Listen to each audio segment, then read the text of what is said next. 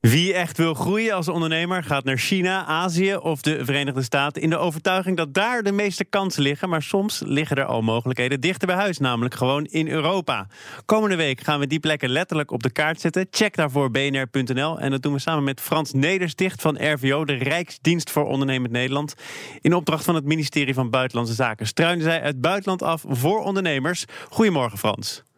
Goedemorgen. Je bent uh, gestrand uh, in uh, Litouwen, specifiek de stad Kaunas. Dat is de tweede stad daar. Waarom is dat een verborgen parel? nou, Litouwen is een verborgen parel, omdat het is een klein landje, 4 miljoen inwoners, um, ongeveer anderhalf keer zo groot als, als Nederland in oppervlakte. Um, inmiddels 13 jaar lid van de Europese Unie.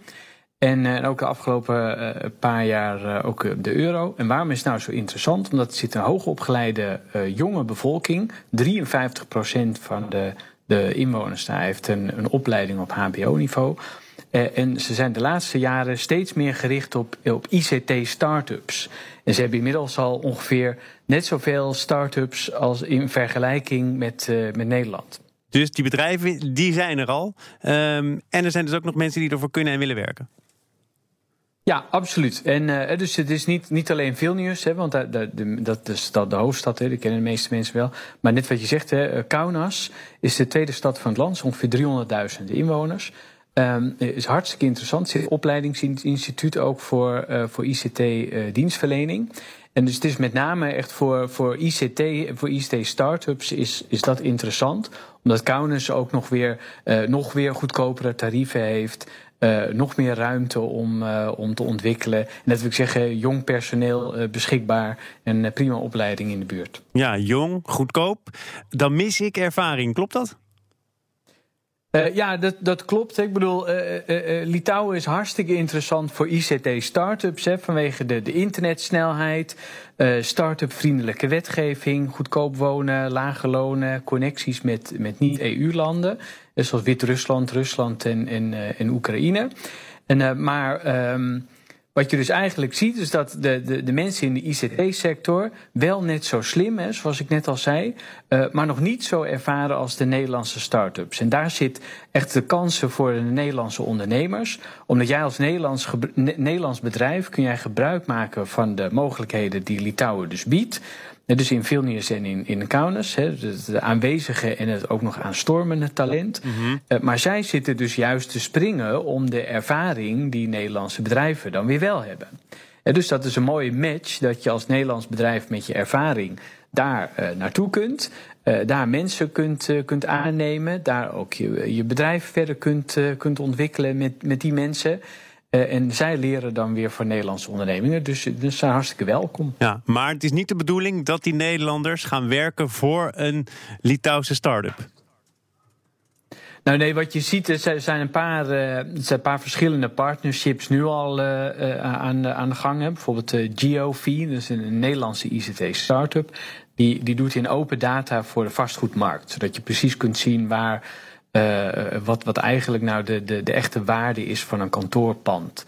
En uh, als je kijkt naar omgevingskenmerken uh, en dat soort dingen, vervoer en nou ja, ontwikkelingen. Ja. Nou, dat is allemaal open data. En die gebruiken, die, die zitten nu dus ook in Litouwen. En die gebruiken daar lokale mensen om hun, uh, om hun systemen verder te ontwikkelen. Dus gewoon een Nederlands bedrijf, daar gevestigd, met Litouwse, uh, Litouwse werknemers. Maar niet alleen Litouws, maar ook dus uh, Russisch, Wit-Russisch en Oekraïens talent kan in Litouwen heel snel aan een, uh, aan een werkvergunning komen. Ja, een verborgen parel is natuurlijk niet voor niets een verborgen parel. Maar Litouwen, dat is niet iets wat denk ik bij heel veel mensen voor in het hoofd zit. Merk je nog enige twijfel, aarzeling, een bedrijf beginnen of verplaatsen naar Litouwen?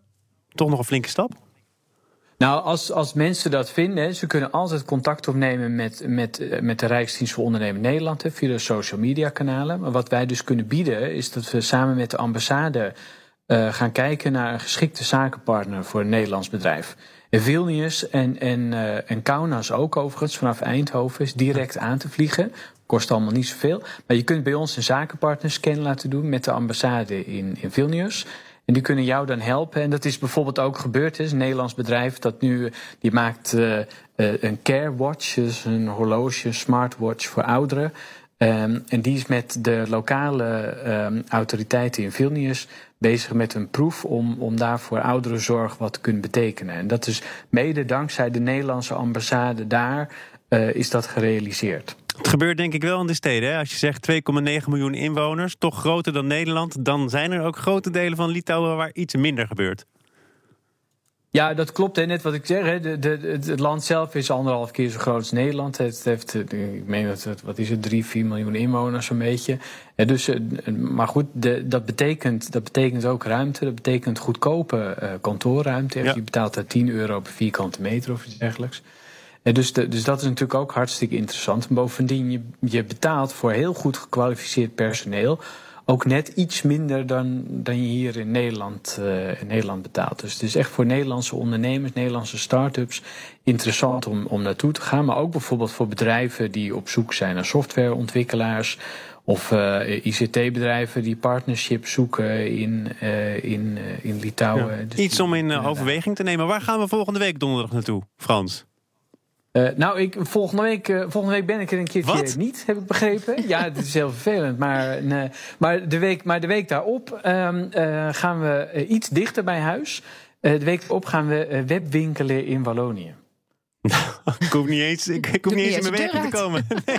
Ja. Goed. Nou, Frans, tot over twee weken in Wallonië dan. Frans Nedersticht ja, van de RVO. Afgesproken. Tot dan. Oké, okay. hoi.